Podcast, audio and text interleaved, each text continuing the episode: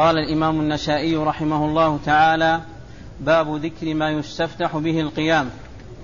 وقال أخبرنا محمد بن سلمة قال حدثنا ابن القاسم عن مالك قال أخبرني مخرمة بن سليمان عن كريب أن عبد الله بن عباس رضي الله تعالى عنهما أخبره أنه بات عند ميمونة أم المؤمنين وهي خالته فاضطجع في عرض الوسادة واضطجع رسول الله صلى الله عليه وسلم وأهله في طولها فنام رسول الله صلى الله عليه وسلم حتى إذا انتصف الليل أو قبله قليلا أو بعده قليلا استيقظ رسول الله صلى الله عليه وسلم فجلس يمسح النوم عن وجهه بيده ثم قرأ العشر الآيات الخواتيم من سورة آل عمران ثم قام إلى شن معلقة فتوضأ منها فأحسن وضوءه ثم قام يصلي.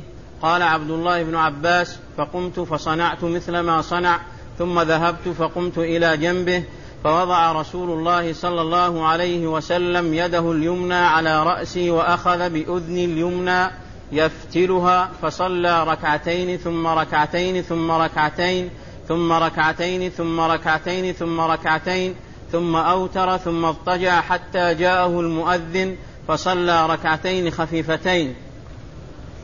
بسم الله الرحمن الرحيم.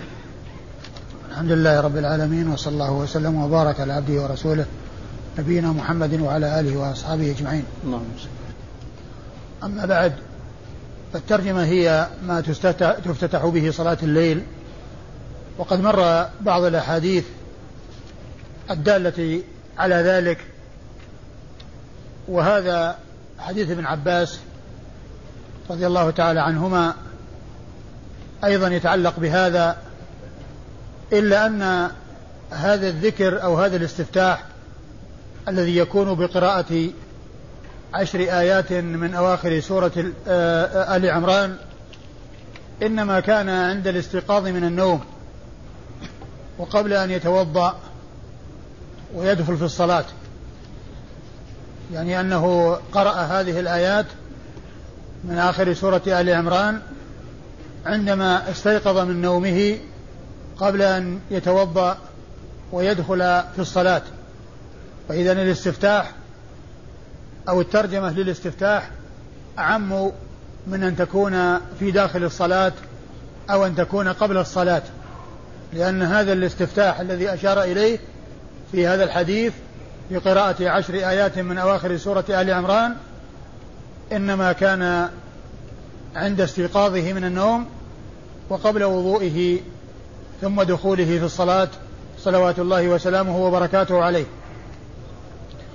وابن عباس رضي الله تعالى عنه بات عند النبي صلى الله عليه وسلم تلك الليلة وكان عند وكان النبي عليه الصلاة والسلام عند خالته ميمونة أم المؤمنين لأن ابن عباس هو أمه لبابة بنت الحارث الهلالية وأم المؤمنين ميمونة بنت الحارث الهلالية.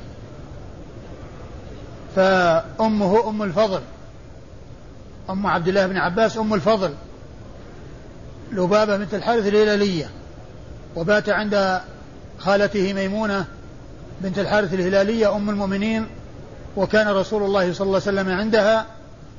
وكان يريد من وراء ذلك أن يعرف كيفية عمل رسول الله صلى الله عليه وسلم في ليله فبات عندهما في تلك الليلة في حجرتهما وبات رسول الله صلى الله عليه وسلم وزوجه في طول الوسادة وبات, وبات ابن عباس في عرضها ولما مضى نصف الليل أو قبله بقليل أو بعده بقليل قام رسول الله صلى الله عليه وسلم وتلا العشر الآيات من أواخر سورة آل عمران.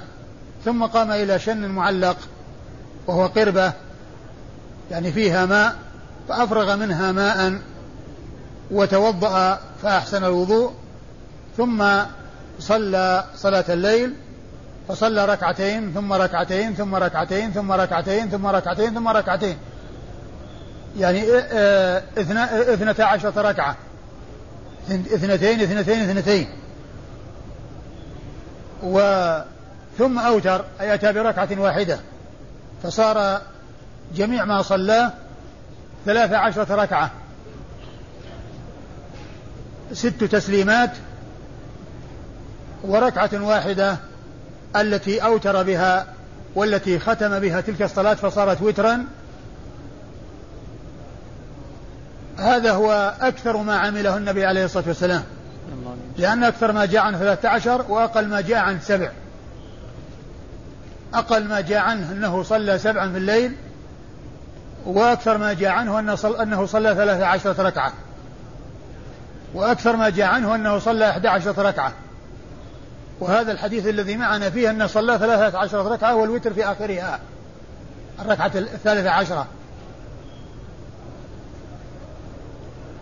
والحديث واضح أنه سلم من كل ركعتين اثنتين اثنتين. وهذا يتفق مع ما أرشد إليه الرسول صلى الله عليه وسلم من أن صلاة الليل مثنى مثنى. فإذا خشي أحدكم الصبح أتى بركعة ما مضى.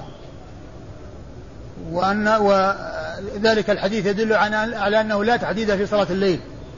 بل الأمر في ذلك واسع. إن صلى 11 أو 12 أو 13 أو أكثر أو أقل لأنه داخل تحت قوله صلاة الليل مثنى مثنى.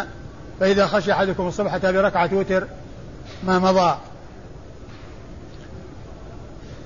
وقد جاء عنه عليه الصلاة والسلام أنه كان يصل بعض الركعات في صلاة الليل كما مر أنه صلى ثمانيا لم يجلس إلا في آخرها. يعني معناه أنه وصلها. وعلى كل فالوصل جاء عن رسول الله عليه الصلاة والسلام جاء من من فعله ولم يأتي من قوله اللي هو الوصل. وأما الفصل فقد جاء من فعله وقوله. فعله الحديث الذي معنا. اثنتين ثم اثنتين ثم اثنتين ثم اثنتين. وقوله صلاة الليل مثنى مثنى. فإذا خشي أحدكم الصبح أتى بركعة وتر ما مضى. وهذا هو الأولى. الأولى أن تكون صلاة الإنسان اثنتين اثنتين. لأن هذا هو الذي يدل عليه قوله وفعله عليه الصلاة والسلام. والوصل جائز لأنه جاء ما يدل عليه. لكن الذي اجتمع عليه القول والفعل فعله وإرشاده وتوجيهه هو الأولى. ثم أيضا فيه مصلحة الفصل وهو كون الإنسان إذا سلم من ركعتين وأراد أن يكون له حاجة أو يعني يقضي حاجة أو يشرب أو ما إلى ذلك فإنه يكون من السهل عليه ذلك بخلاف الصلوات المسرودة أو الركعات المسرودة. الحاصل أن كلا من الوصل والفصل جاء عن رسول الله عليه الصلاة والسلام والحديث الذي معنا فيه الفصل في الركعات من قوله أي من فعله أنه ركعتين ركعتين وأن مجموع ذلك ست تسليمات وركعة واحدة هي الثالثة عشر التي أوتر بها. ثم نام أي بعد ذلك حتى جاءه المؤذن وآذنه فصلى ركعتين خفيفتين التي هي ركعة الفجر ركعة الفجر وسنة الفجر ثم خرج وصلى بالناس. صلوات الله وسلامه وبركاته عليه. تعيد المتن نعم. تعيد المتن أنه ب... عن ابن عباس أنه بات عند ميمونة أم المؤمنين وهي خالته فاضطجع في عرض الوسادة واضطجع رسول الله صلى الله عليه وسلم وأهله في طولها. وهذا فيه دليل على أن المحارم والأقارب الذين هم محارم أنه يمكن أن يناموا في غرفة واحدة. يناموا في غرفة واحدة لأن لأن ابن عباس بات. مع رسول الله صلى الله عليه وسلم وزوجه في غرفة واحدة. والرسول صلى الله عليه وسلم وزوجه في طول الوسادة وابن عباس في عرضها هو معترض وهم في على على على طول الوسادة. والوسادة هي ما يوضع تحت الرأس. فهما رسول الله صلى الله عليه وسلم وزوجه متجاوران وابن عباس معترض. ورأسه على على عرض الوسادة أو على طرف الوسادة. فهذا يدلنا على جواز مثل هذا وأن الأصهاء المحارم اللي هو بعضهم محرم لبعض يمكن أن يناموا معا في غرفة واحدة. وأما وأما الأجانب الذين بعضهم أجانب من بعض والأجنبي من المرأة والذي لا ليس محرما لها فلا يجوز له أن يبيت هو إياها في غرفة واحدة ولو كان معهم غيرهم ولو كان معهم غيرهم. يعني فكونه يعني رجال ونساء يجتمعون وهم بعضهم ليس محارم لبعض ثم ينامون في غرفة واحدة مثل ما يستعمل مثل ما يذكر أنه يستعمل في من الحجاج في, في الحج يجتمع الرجال والنساء في غرفة واحدة وبعضهم أجانب من بعض. ذلك لا يسوق. وإنما الذي يناسب أن يكون المحارم بعضهم مع بعض أو النساء مع بعض والرجال مع بعض.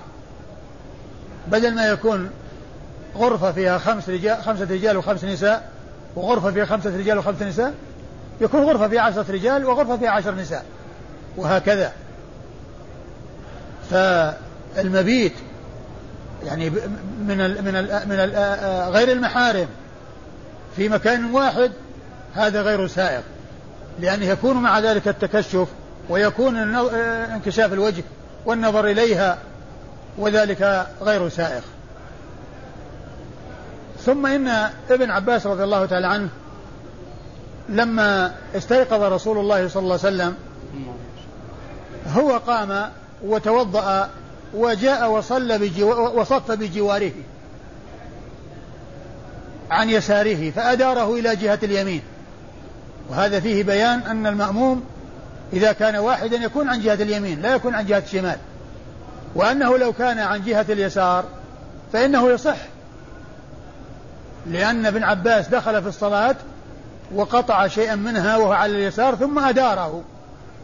ما يعني جعله يقطع الصلاة ثم يبدأ وإنما أداره على تحريمه الأول وعلى دخوله في الصلاة. فهذا يدل على أن يعني أنه لو وجدت الصلاة عن جهة اليسار فإنه يصح لأنه حصل شيء من الصلاة عن جهة اليسار لكنه خلاف السنة.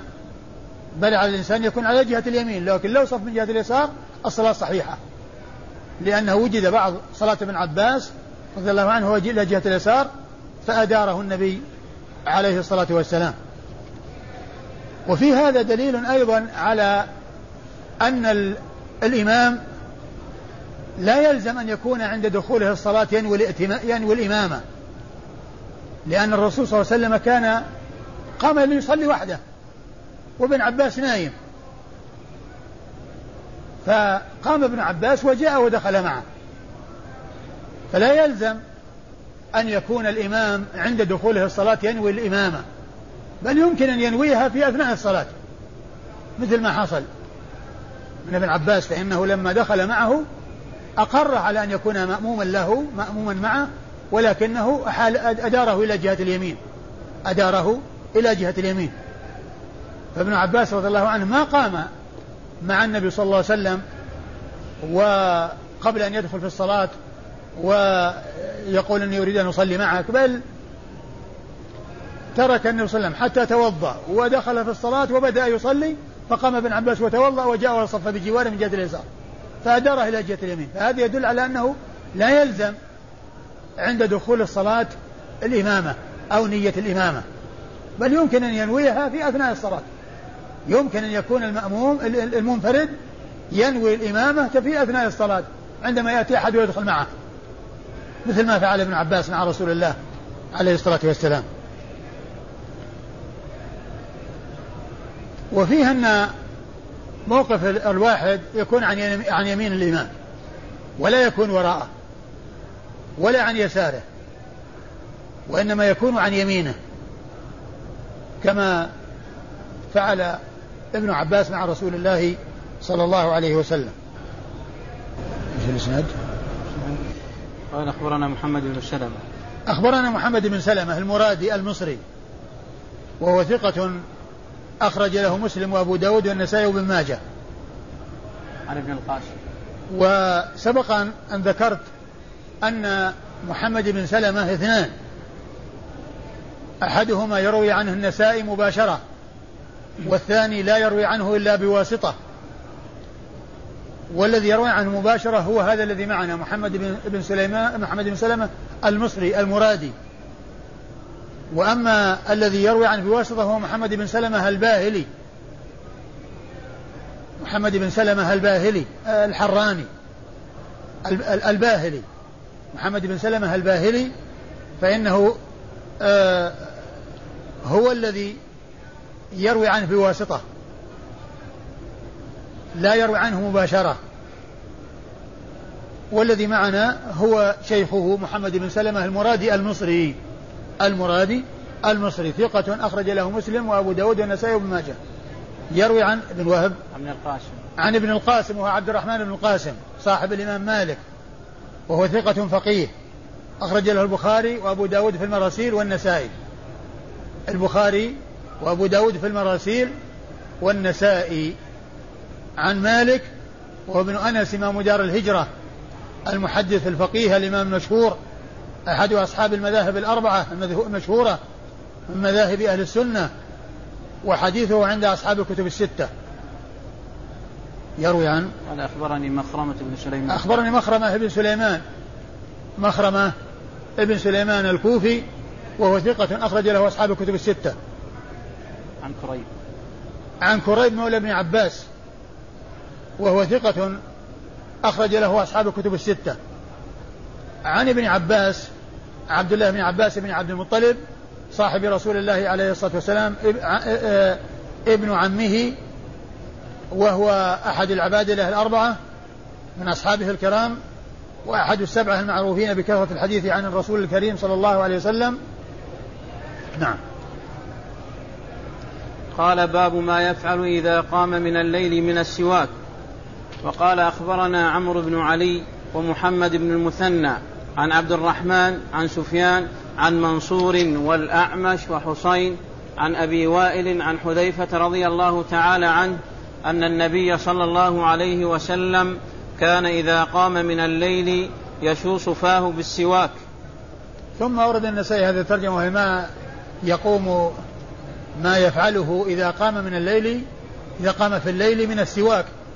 يعني ما يعني معناه استياكه أو ما يفعله من السواك إذا قام أي كونه يستاك إذا قام من النوم. يعني عند قيامه من النوم يستاك. يعني حتى يكون السواك يطهر الفم بعد النوم. وقد جاء في الحديث السواك مطهرة للفم مرات للرب. يعني جمع بين الفوائد الدنيوية والأخروية. فهو مرضاة مطهرة للفم وهذه فائدة عاجلة.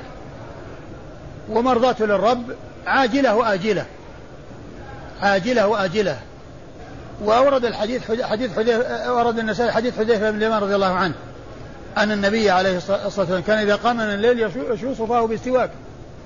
يعني معناه يدلك فاه بالسواك فيستاك ويستن في السواك. فهذا يدلنا على مشروعية ذلك وفائدته تغيير الرائحة التي حصلت بسبب النوم إلى هذه الرائحة الطيبة التي رائحة السواك. كان إذا قام من النوم يشوص فاه بالسواك.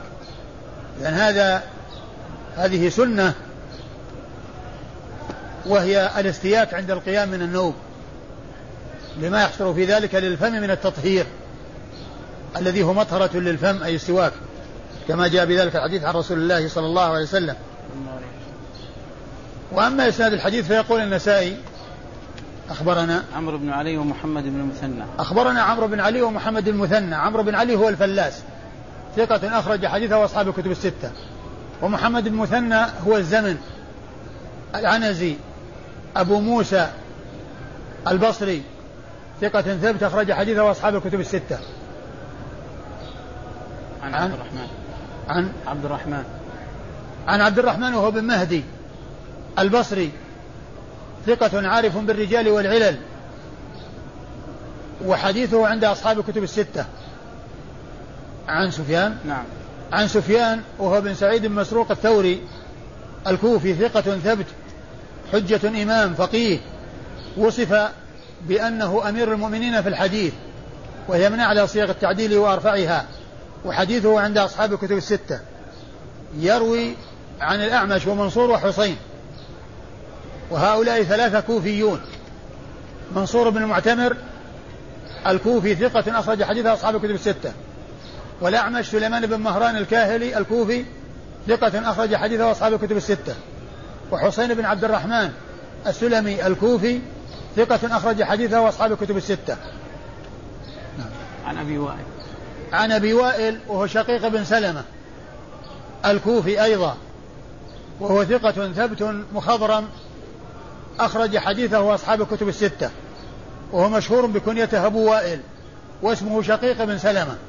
يأتي ذكره أحيانا باسمه شقيق ويأتي ذكره كثيرا بكنيته أبو وائل.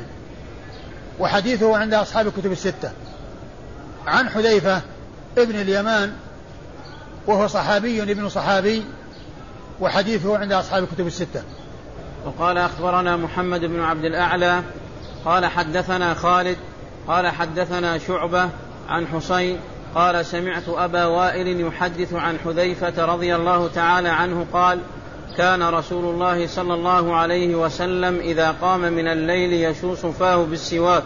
ثم أورد حديث حذيفة من طريق أخرى وهو مثل الطريقة السابقة تماما.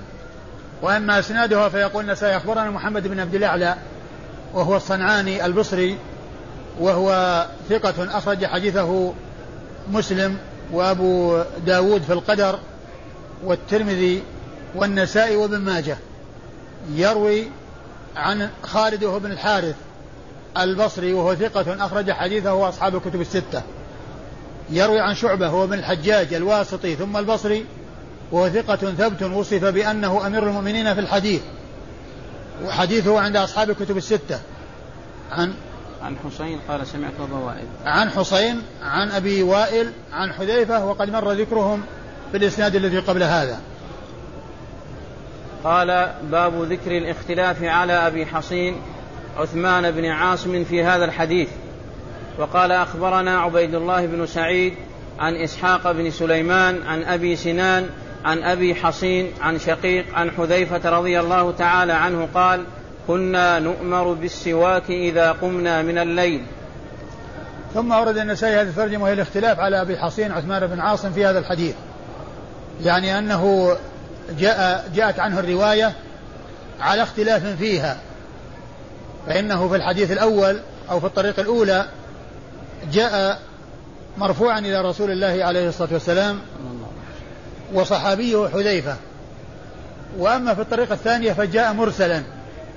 يعني عن شقيق ولم يذكر الصحابي. قال كنا نؤمر فليس فيه ذكر الصحابي. فحصل فيه الاختلاف على أبي حصين عثمان بن عاصم وقوله كنا نؤمر الصحابي إذا قال كنا نؤمر فالآمر هو رسول الله عليه الصلاة والسلام. ومن المعلوم أن أمر الرسول صلى الله عليه وسلم هو من أمر الله. وهو عليه الصلاة والسلام لا ينطق عن الهوى. أما النبي عليه الصلاة والسلام إذا قال أمرت فإن الآمر له هو الله. الآمر له هو الله سبحانه وتعالى. والصحابي إذا قال أمرنا أو أمرت أو كنا نؤمر فإن الأمر هو رسول الله عليه الصلاة والسلام. ولكن كما هو معلوم أمر الرسول عليه الصلاة والسلام إنما هو من أمر الله لأنه لا ينطق عن الهوى. وما ينطق عن الهوى إن هو إلا وحي يوحى. صلوات الله وسلامه وبركاته عليه.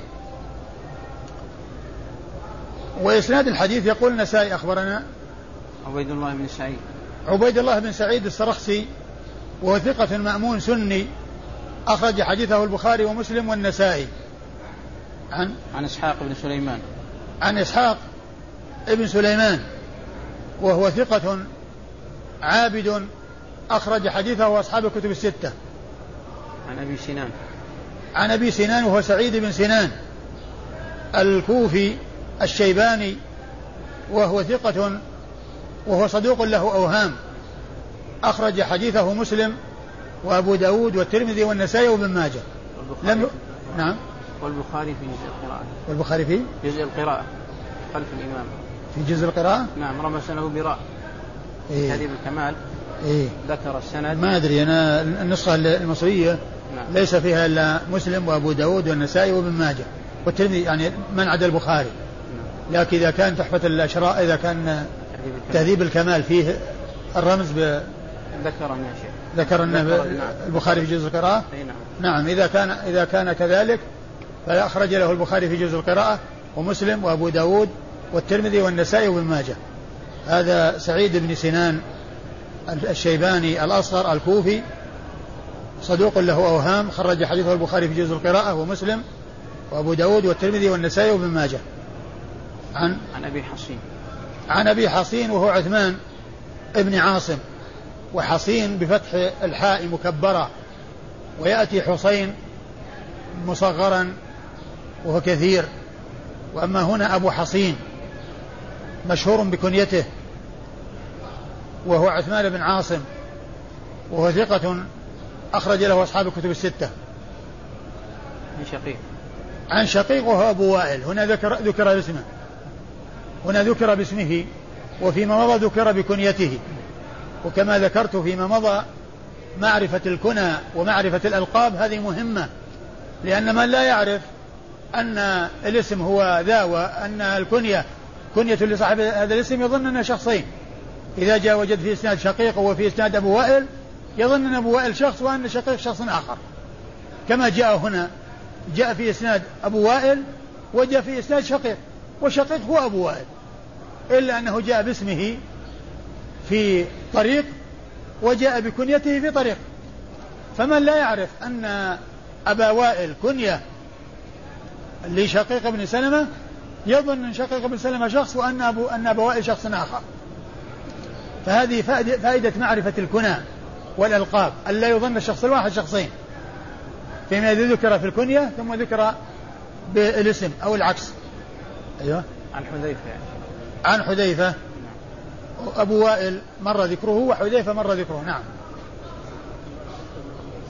وقال أخبرنا أحمد بن سليمان قال حدثنا عبيد الله قال حدثنا إسرائيل عن أبي حصين عن شقيق قال كنا نؤمر إذا قمنا من الليل أن نشوص أفواهنا بالسواك. ثم ورد النسائي الطريقة الأخرى وفيها أن شقيق قال كنا نؤمر. الأول عن شقيق عن حذيفة قال كنا نؤمر الصحابي موجود. وفي هذه الطريقة الصحابي غير موجود. يعني طريق إسرائيل عن أبي حصين يعني هي التي صار فيها الإرسال. وطريق أبي سنان عن أبي حصين فيها الوصل فيها الوصل. هذا هو المقصود بالاختلاف على أبي حصين. يعني الذين رووا عن أبي حصين اختلفوا. واحد روى بالوصل وذكر الصحابي وواحد روى بالإرسال وعدم ذكر الصحابي. أبو سنان جاء عنه الوصل وإسرائيل جاء عنه من طريق أبي حصين الإرسال. نعم. إسناد إسناد قال أخبرنا أحمد بن سليمان. أخبر أخبرنا أحمد بن سليمان هو الرهاوي وهو ثقة حافظ أخرج حديثه النسائي وحده. عن عبيد الله وهو بن موسى. عبيد الله هو بن موسى وهو ثقة أخرج له أصحاب الكتب الستة. عن إسرائيل. عن إسرائيل بن يونس بن أبي إسحاق السبيعي الكوفي. وهو ثقة أخرج له أصحاب الكتب الستة. عن أبي حصين عن شقيق وقد مر ذكرهما. قال باب بأي شيء يستفتح صلاة الليل. وقال أخبرنا العباس بن عبد العظيم قال حدثنا عمر بن يونس قال حدثنا عكرمة بن عمار قال حدثني يحيى بن أبي كثير قال حدثني أبو سلمة بن عبد الرحمن قال سألت عائشة رضي الله تعالى عنها بأي شيء كان النبي صلى الله عليه وسلم يفتتح صلاته.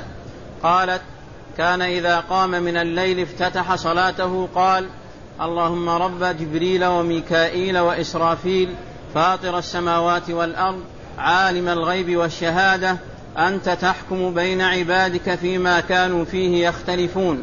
اللهم اهدني لما اختلف فيه من الحق إنك تهدي من تشاء إلى صراط مستقيم. ثم أورد النسائي هذه الترجمة وهي بما تستفتح صلاة الليل. بما؟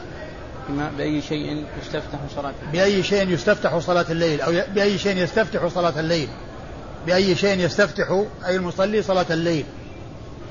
آه هذه الترجمة قريبة من الترجمة السابقة إلا أن الفرق بينهما لعله أن تلك مطلقة يدخل تحتها يعني ما يكون في الصلاة وما يكون قبل الصلاة. كما جاء في حديث ابن عباس لأنه تلا الآيات من آخر سورة آل عمران وكان ذلك عندما استيقظ من النوم قبل أن يتوضأ. وأما هذه الترجمة فهي ما يقوله إذا استفتح الصلاة. يعني عندما يدخل في الصلاة يقول اللهم رب جبريل وميكائيل. وإسرافيل عالم الغيب والشهادة أنت تحكم بين عبادك فيما كانوا فيه يختلفون. اهدني لما اختلف فيه من الحق بإذنك إنك تهدي من تشاء إلى صراط مستقيم. هذا مما جاء عن النبي عليه الصلاة والسلام في استفتاح صلاة الليل. وكل ما ثبتت به السنة عن رسول الله عليه الصلاة والسلام يستفتح به. كل ما ثبتت به السنة عن رسول الله عليه الصلاة والسلام يستفتح به. لكن أحيانا بكذا وأحيانا بكذا. أحيانا بهذه الصيغة وأحيانا بهذه الصيغة. آه ثم أورد النسائي حديث حديث عائشة. حديث عائشة رضي الله عنها. اللهم رب جبريل وميكائيل وإسرافيل. عالم الغيب والشهادة. أنت تحكم بين عبادك فيما كانوا فيه يختلفون. اهدني لما اختلف. هذه ال- ال- الأمور التي التي قبل هو تمهيد وتوسل إلى الله عز وجل بربوبيته لجبريل وميكائيل وإسرافيل. وخص هؤلاء الملائكة الثلاثة لأنهم الموكلون بأنواع الحياة. فجبريل موكل بالوحي الذي به حياة القلوب وميكائيل موكل بالقطر الذي به حياة الأبدان وإسرافيل موكل بالنفخ في الصور الذي به الحياة بعد الموت والبعث. والنشور. فكان عليه الصلاة والسلام يتوسل إلى الله عز وجل بربوبيته لهؤلاء الملائكة الثلاثة العظام جبريل وميكائيل وإسرافيل. والمقصود اهدني لما اختلف فيه من الحق بإذنك. إنك تهدي من تشاء إلى صراط مستقيم. يعني كل هذا توسل إلى هذه الغاية وإلى هذا المطلوب الذي هو طلب الهداية. وطلب الهداية المطلوب منه المطلوب فيها التثبيت على الهداية الحاصلة والمزيد من الهداية. التثبيت على ما هو حاصل وطلب المزيد من الهداية. فيكون مطلوب شيئان تثبيت وزيادة. تثبيت على ما هو موجود وزيادة من فضل الله عز وجل على ما هو موجود. وأما إسناد الحديث فيقول النسائي أخبرنا العباس بن عبد العظيم. أخبرنا العباس بن عبد العظيم وهو العنبري البصري وهو ثقة حافظ أخرج حديثه البخاري تعليقا ومسلم وأصحاب السنن الأربعة. عن عمر بن يونس. عن عمر بن يونس وعندكم عمرو بن يونس وهو خطأ. هو عمر عمر وليس عمر وهو ثقة أخرج حديثه أصحاب الكتب الستة. عن عكرمة بن عمار. عن عكرمة بن عمار اليمامي وهو صدوق يخطئ وفي روايته عن يحيى بن أبي كثير اضطراب وحديثه أخرجه البخاري تعليقا نعم. ومسلم وأصحاب السنن الأربعة. البخاري تعليقا ومسلم وأصحاب السنن الأربعة. عن يحيى بن أبي كثير اليمامي. يحيى ابن أبي كثير اليمامي وهو ثقة ثبت يرسل ويدلس. وحديثه عند أصحاب الكتب الستة. يروي عن أبي سلمة. يروي عن أبي سلمة بن عبد الرحمن بن عوف المدني وهو ثقة فقيه هو أحد الفقهاء السبعة على أحد الأقوال في الثالث منهم وحديثه عند أصحاب الكتب الستة. عن عائشة؟ نعم. عن عائشة أم المؤمنين رضي الله عنها وقد مر ذكرها.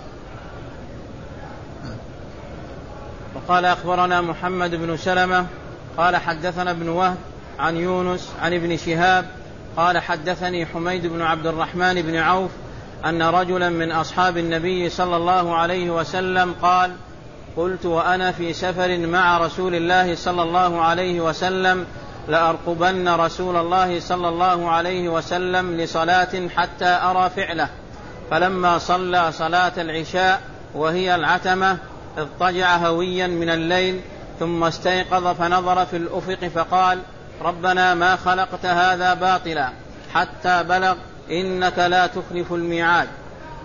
ثم أهوى رسول الله صلى الله عليه وسلم إلى فراشه فاستل منه سواكا ثم أفرق في قدح من إدوات عنده ماء فاستن. إداوة. أداوة؟ إداوة. من إداوة عنده ماء فاستن ثم قام فصلى حتى قلت قد صلى قدر ما نام ثم اضطجع حتى قلت قد نام قدر ما صلى ثم استيقظ ففعل كما فعل أول مرة وقال مثل ما قال ففعل رسول الله صلى الله عليه وسلم ثلاث مرات قبل الفجر. ثم أورد النسائي حديث رجل من أصحاب النبي صلى الله عليه وسلم يعني مبهم لم يسمى ومن المعلوم أن إبهام الصحابي لا يؤثر ما دام عرف أنه صحابي فالجهالة في الصحابة لا تؤثر لأنهم معلومة عدالتهم بتعديل الله عز وجل وتعديل رسوله صلى الله عليه وسلم. وإنما الذي يحتاج إلى معرفتهم معرفة أشخاصهم أعيانهم وأحوالهم هم غير الصحابة. يحتاج إلى معرفتهم حتى يحكم على الحديث. الذي يأتي عن طريقهم إما بالقبول أو الرد على ضوء معرفة الحال على ضوء معرفة أحوالهم ثقة وتعديلا وتجريحا تعديلا وتجريحا. آه هذا الصحابي من أصحاب رسول الله عليه الصلاة والسلام كان كان في سفر؟ قلت وأنا في سفر مع رسول الله. قلت وأنا في سفر مع رسول الله صلى الله عليه وسلم لأرقبن رسول الله صلى الله عليه وسلم لأنظر ماذا يصنع. يعني معناه أنه عقد العزم على أن يراقب النبي صلى الله عليه وسلم وينظر ماذا يفعل يعني من الليل. فلما صلى العشاء نام ولما مضى هوي من الليل قام وتلا الآيات من آخر سورة آل عمران. وهذا يعني وهذا آه، هذه الترجمة يعني آه، أو هذا الحديث هو مثل ذاك الحديث الذي مر في حديث ابن عباس. حديث نعم. ابن عباس. الذي مر علينا؟ لا اللي قبل اللي فيه العشر آيات. ها؟ عائشة. حديث عائشة نعم. يعني مثل ما جاء في حديث عائشة. فالترجمة هي في الحقيقة يعني مثل الترجمة السابقة. لأن أنا قلت أن أنه لعل هذه الترجمة تتميز بكونها في الصلاة لكن ال ال ال هذا الحديث يدل على أنه ما سوى لأن كونه تلا الآيات إنما كان قبل الصلاة وقبل أن يتوضأ. يعني كونه تلا العشر الآي أو آيات من آخر سورة آل عمران. فالفرق بين الترجمتين ما يبدو لي يعني فيه يعني آه، كبير فرق بينهما لأن فيهما ما كان في الصلاة وفيهما ما كان قبل الصلاة. فاستيقظ رسول الله صلى الله عليه وسلم واستل سواكا واستن به وتوضأ واستن به ثم صلى. حتى قلت يعني هذا الذي صلاه مقدار ما نام لأنه كان يرقبه من, من بعد صلاة العشاء. نام ثم هو يراقبه ماذا يفعل؟ فاستيقظ ثم صلى حتى قال إنه صلى مثل مثل ما نام ثم رجع ثم صلى ثم نام إيش قلت في المتن؟ الأول يا شيخ؟ لا يعني الآخرة؟ أيوه ثم نعم قل ثم قام فصلى حتى قلت قد صلى قدر ما نام ثم اضطجع حتى قلت قد نام قدر ما صلى ثم استيقظ فعل كما فعل أول مرة وقال مثل ما قال ففعل رسول الله صلى الله عليه وسلم ثلاث مرات قبل الفجر. يعني أنه فعل يعني من بعد صلاة العشاء إلى الفجر هذا العمل الذي هو كونه يعني يقوم ويتوضأ يقوم ويذكر الله عز وجل ويتلو الآيات ثم يعني آه، يستاك ويتوضأ ثم يصلي ثم ينام ثم إذا استيقظ عمل هذه الأعمال ثم ينام ثم يستيقظ معناه فعل ذلك ثلاث مرات قبل صلاة الفجر. يعني أن الذي عمله من الليل أنه صلى ونام ثم صلى ونام ثم صلى وكان ذلك ثلاث مرات. أيوة الإسناد أخبرنا محمد بن سلمة. أخبرنا محمد بن سلمة وقد مر ذكره قريبا. عن ابن وهب. عن ابن وهب وهو المصري عبد الله بن وهب ثقة فقيه أخرج حديثه أصحاب الكتب الستة. عن يونس. عن يونس بن يزيد الأيلي ثم المصري. وهو ثقة أخرج حديثه أصحاب الكتب الستة. عن ابن شهاب. عن ابن شهاب وهو محمد بن مسلم بن عبيد الله الزهري. ثقة آه، فقيه آه، مكثر من رواية حديث رسول الله عليه الصلاة والسلام وحديثه عند أصحاب الكتب الستة. قال حدثني حميد قال حدثني حميد بن عبد الرحمن بن عوف المدني وهو ثقة أخرج حديثه أصحاب الكتب الستة. أن رجلا من أصحاب النبي. عن رجل من أصحاب النبي صلى الله عليه وسلم وهو مبهم.